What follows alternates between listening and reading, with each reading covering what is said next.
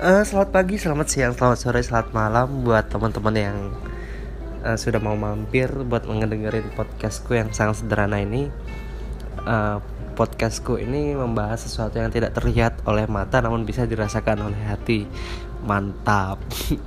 Karena aku selalu percaya adalah sesuatu yang tidak terlihat oleh mata itu lebih bernilai, lebih berharga dari segala sesuatu yang terlihat oleh mata. Jadi kita akan lebih sering membahas hal itu di podcastku kali ini.